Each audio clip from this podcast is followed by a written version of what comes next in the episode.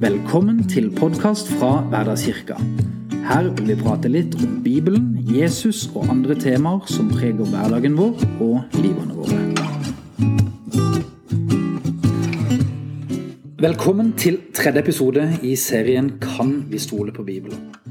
I de forrige episodene så har vi sett på om øyenvitnene til Jesus kan regnes som pålitelige, og om tekstene de skrev er tatt vare på, sånn at innholdet i Nytestamentet i dag er identisk med det de skrev for ca. 2000 år siden. I dag så skal vi se på om uavhengige kilder kan bekrefte noe av det forfatterne av Nytestamentet hevder, og om det finnes noen arkeologiske funn i moderne tid som styrker eller svekker Det nye testamentets troverdighet.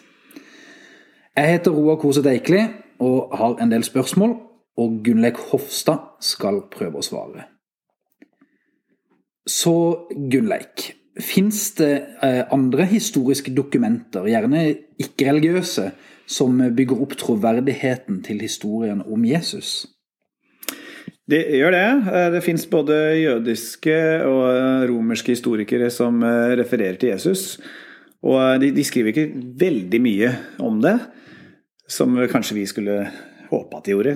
Men eh, det at de faktisk skriver om Jesus er litt spesielt, fordi eh, antikk historie sjelden omtaler noe andre enn konger og politiske figurer, og eventuelt hvis de omtaler religiøse figurer, så er det de offisielle, altså type yppersteprester mm. og sånne type ting. Så um, hvis vi ser litt på jød, den viktigste jødiske historikeren, det er en fyr som het uh, Josefus. Han er uh, født i år 37 og skrev det meste av verkene sine på slutten av det første århundret.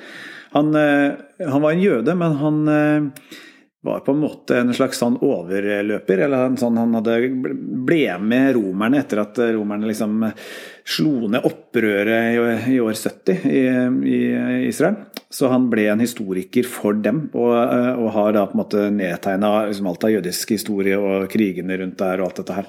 Så han er en, en veldig anerkjent og ja, Han er regna som en veldig nøyaktig historiker, og mange arkeologiske funn i senere tid har jo bekrefta mye av det som han eh, har skrevet ned. Og romerske historier også snakker mye om de samme tingene, så han er veldig høyt anerkjent. da.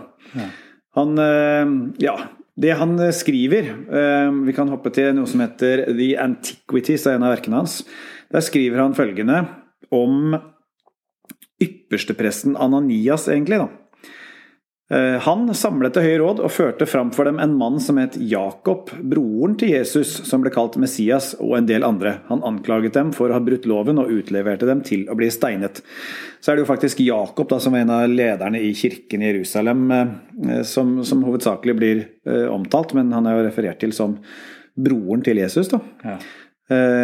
Jakob ble jo selv en kristen etter etter at Jesus hadde stått opp igjen. For han var jo en, eh, Du kan se i Johannes evangeliet at han var Brødrene hans eh, tvilte på Jesus, men i 1. Korinterne 15 så står det at Jesus viste seg for Johannes, eh, nei, unnskyld, Jakob.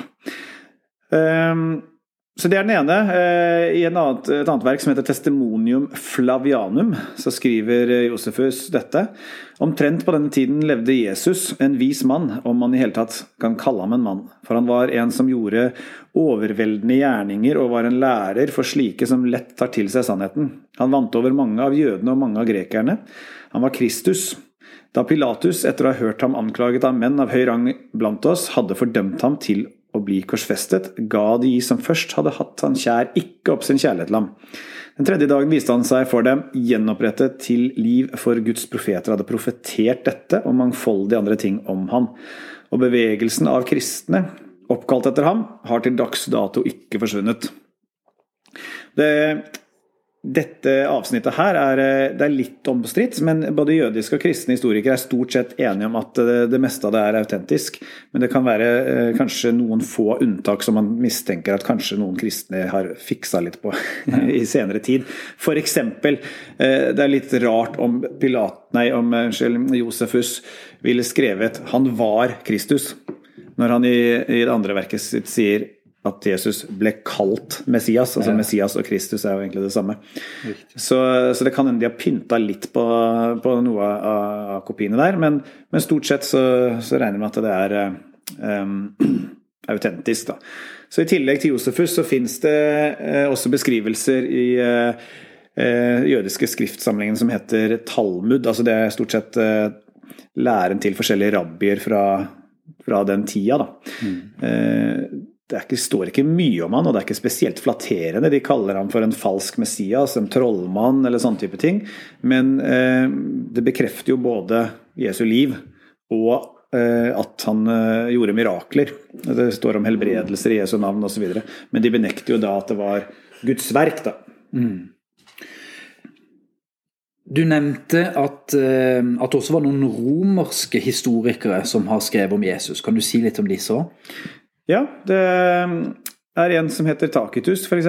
Han levde fra år 56 til år 120. Han var en romersk senator og historiker, og, har skrevet verkene analer og historier, hvor han gjennomgår eh, styrene til de romerske keiserne Tiberius, Claudius og Nero. Og i ca. år 115 så skrev han at Nero brukte, altså keiser Nero i Roma, da, brukte de kristne som syndebukk for å avlede mistanke fra ham sjøl i forbindelse med den brannen som herja Rom i 64.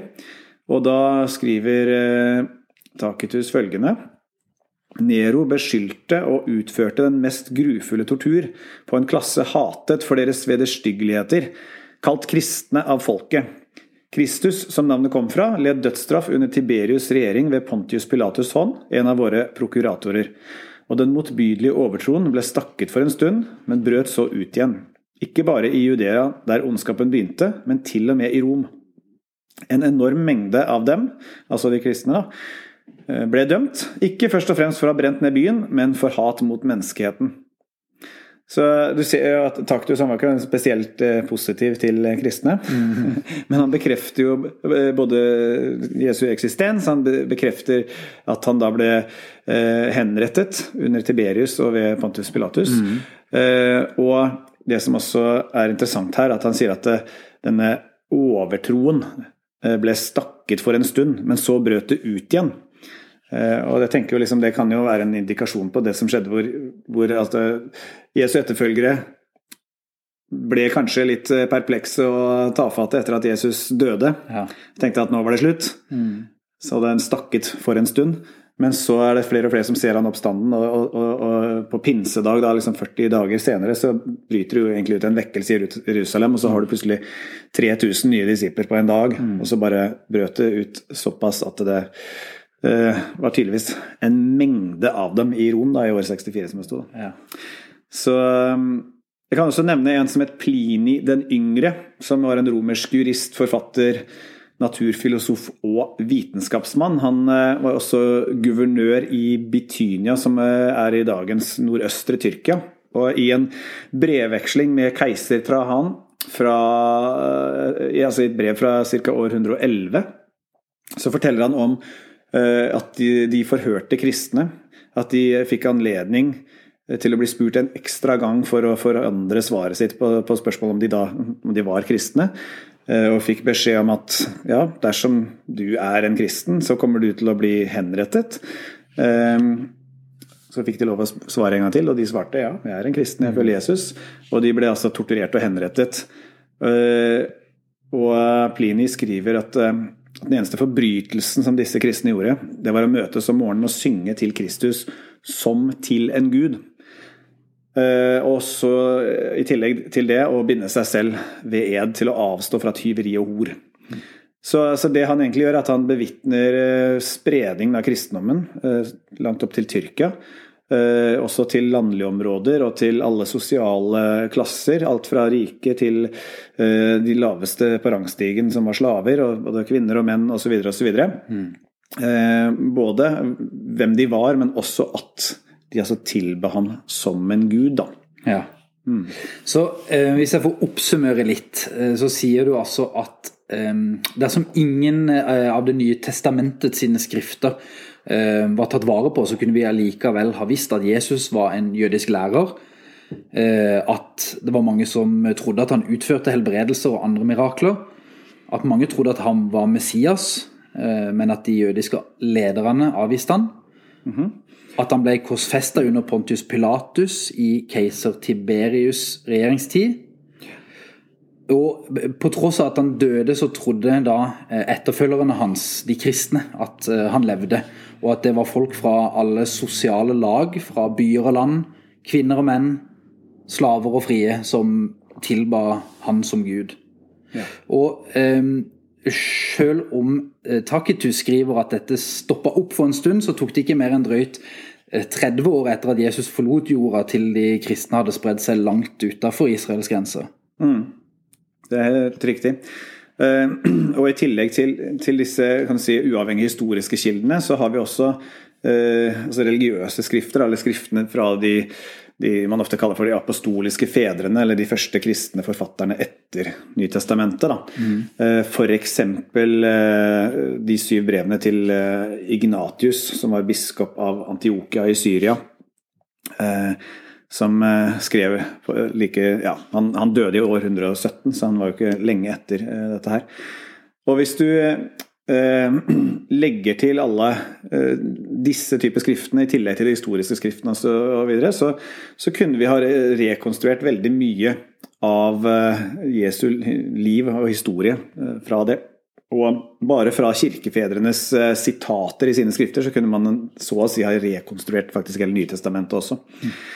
Eh, en fyr som heter eh, Gary Habermas, som har skrevet en bok som heter 'The Verdict of History'. og Han eh, refererer til 39 antikke kilder som dokumenterer Jesu liv. Trekker ut mer enn 100 fakta om Jesu liv, lære, korsfestelse og oppstandelse.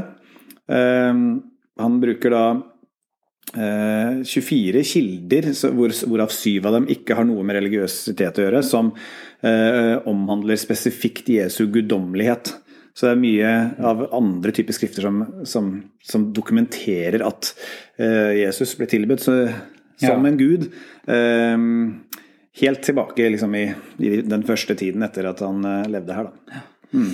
Ja, Dette var altså litt forskjellige skriftlige historiske kilder som omhandler Jesus. Men Um, la oss se litt på en helt annen type vitenskap. og det er jo Når man graver i jorda, så dukker det gjerne opp mye skjulte skatter som kan gi svar på, på fortidens gåter.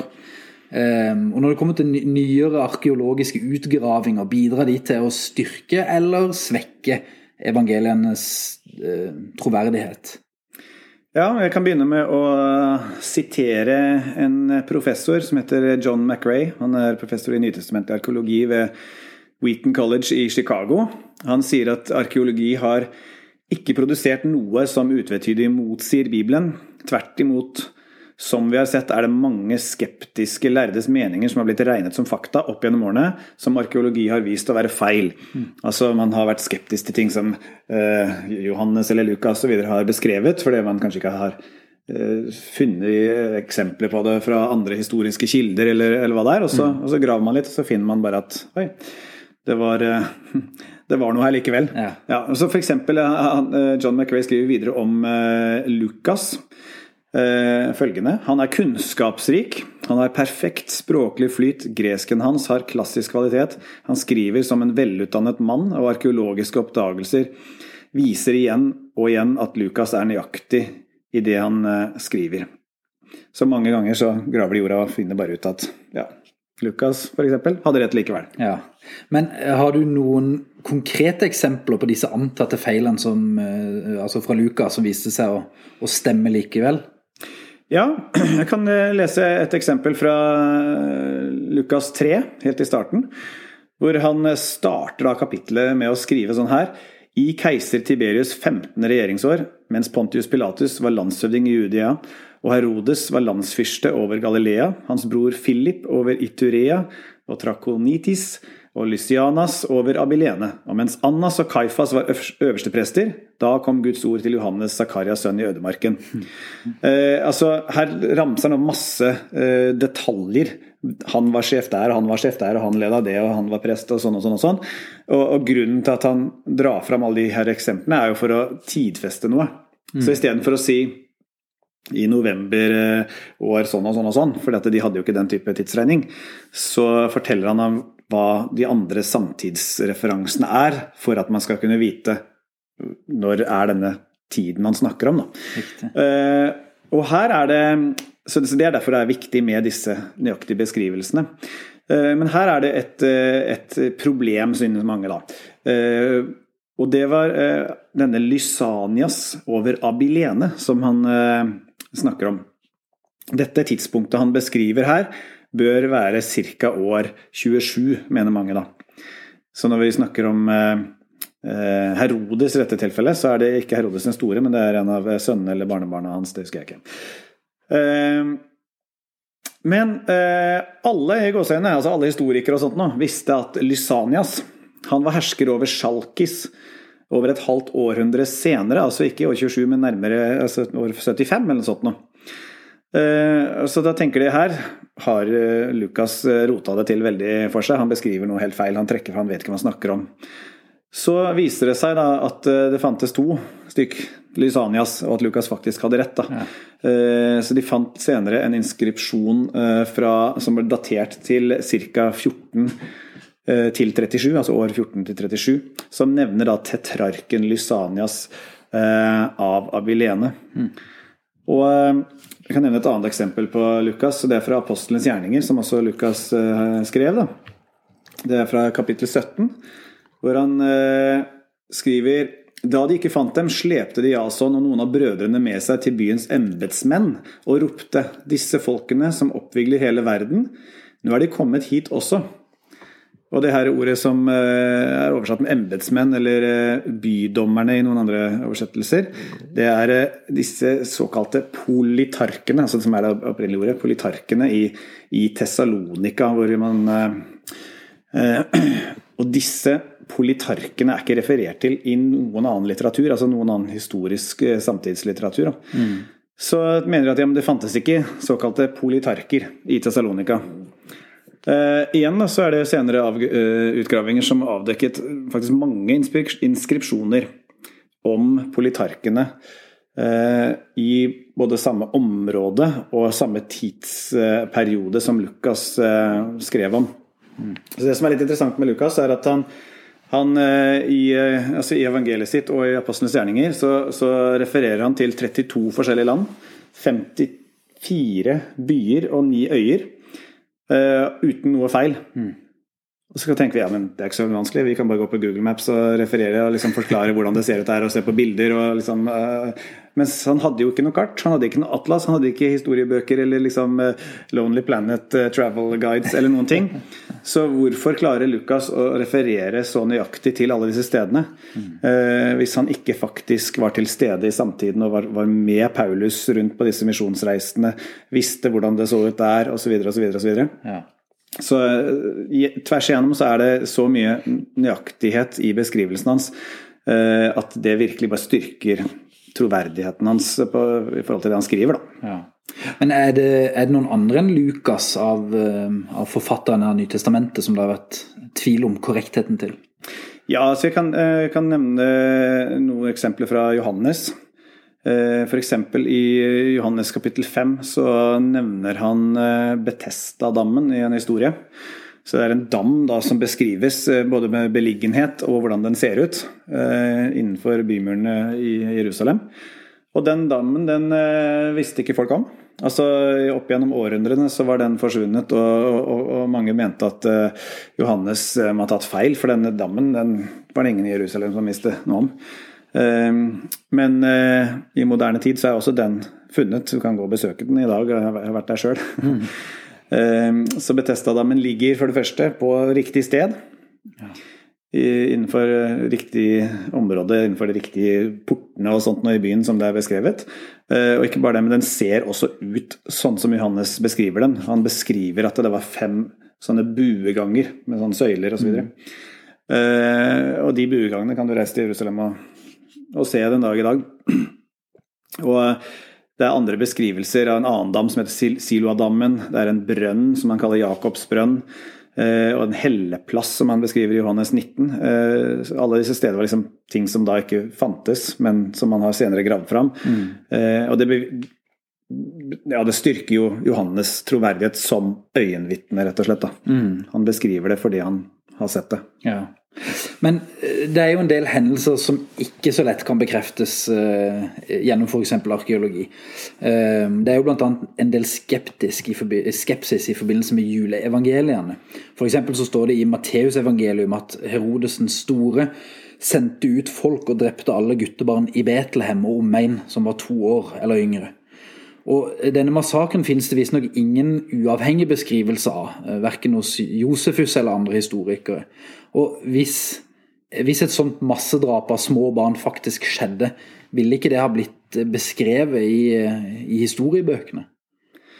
I, I, vår tid så hadde det sikkert det. Eh, men først må vi tenke på eh, hvor stort omfang dette massedrapet var. Da. Eh, Betlehem var, etter det man tror, bare en liten by med kanskje 500-600 innbyggere. Hvor mange av disse er da guttebarn? Eh, la oss bare ta et enkelt regnestykke og gå ut fra at uh, halvparten av befolkningen var under 20, da. Si så 300.